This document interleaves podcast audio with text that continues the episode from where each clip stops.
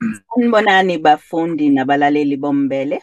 Igama lami nginguSilindile Khanyile. Siyanamukela futhi engosini yethu lapho sidingida khona umthetho kunguLwesibili umhla ka-22 ku-August.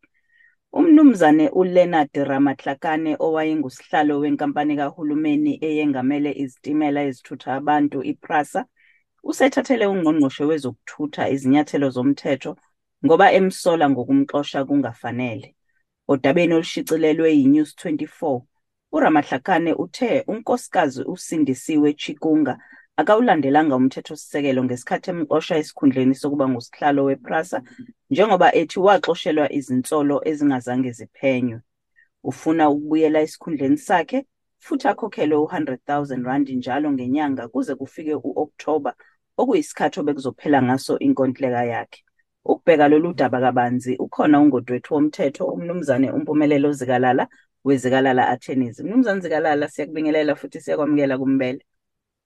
Akukubingelele bese ngibingelela kakhulu abalaleli nababukeli bombele. Mnumzane Zikalala, uma kukhulunywa ngamabhodi amabhizinisi kahulumeni, uyakwazi yini ukukhala umuntu ngokuthi uxoshiwe akusikho ukuthi umuntu usuke esemseni kangqongqoshe ophethe umnyango lawula lelo bhizinisi? Angakwazi ukuthi akhale sokhumbula ukuthi nongqongqoshe uma ngabe ethatha iy'nqumo iy'nqumo zakhe kumele yihambisane nomthetho. Okokuqala kini suke sikubhekile sike sithi hayi iy'nqongqoshe ziyabonga-ke isinqumo sosithathile kodwa sisafuna ukubona sisemthethweni yini ukhona umthetho ogunyazayo ukuthi leso sinqumo usithathe. Number two, kunomqondo yini le kokuthathile ngesingisi bake bathi rationality and then eyokugcina bese kuthiwa ayike imigomo nemibandela noma imigudu efanele noma procedural wise ukulandelile yini lokho engicabanga ukuthi naye uhlalo uyakhala ngako ngoba uthi hayi phela uma uzohamba bese kuthiwa usuyangixosha kufanele unginikeze nami ithuba lokuthi ke ngikwazi ukuyiphendulela iy'nsolo nezisuke zikhona. Uma ungakwenzanga lokho uzothola ususenkingeni. Sikhumbule futhi ukuthi sibuye sibe nemithetho efana no-companies act ekubekayo noma icacisa ukuthi uma kuthiwa ufuna ukuxasha noma ususe umuntu owu-chairperson noma udirector iphi indlela owenza ngayo imiphi imigudu oyilandelayo enye yakhona ukuthi kunikeze ithuba ukuthi akwazi ukuthi ayiphendulele. So khumbula-ke futhi ukuthi uhulumeni lo esikhuluma ngayo so kunomthetho ubizwe nge-public finance management act uyona ekuchazayo ukuthi bakuthiwa ufuna ukushintsha lapha ebhodini kuma-companies asuke ekhona noma iy'nkampani ezisuke zikhona ukuphi imigudu ekufanele uyilandele.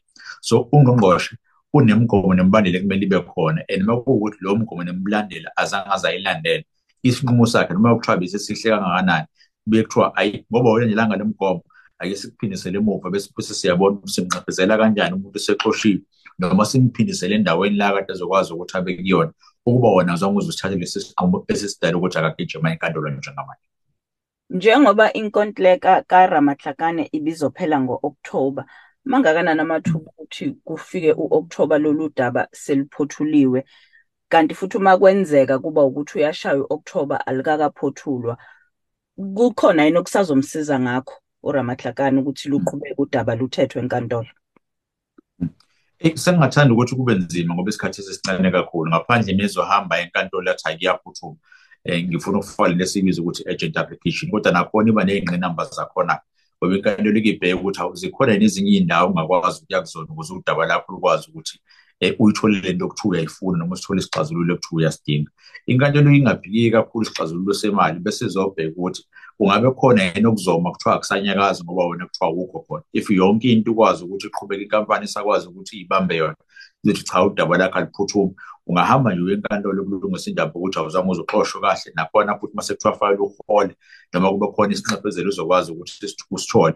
Bese kuyabheka ukuthi bekufanele uzosithola yini leso sinxephezelo wenze nguphi umsebenzi ngoba ngiye siholele nje noma sikunikeze imali mahhala. Fanele ukuthi ukuthi uyisebenzele so ukuhlala kwakhe mhlawumbe isikhathi kuze kufike manje kungenzeka ukuthi ukuthi umfake enkingeni kancane. Ngiyazi akuthola ubulungisa ngokushesha ngendlela kade efuna ngayo.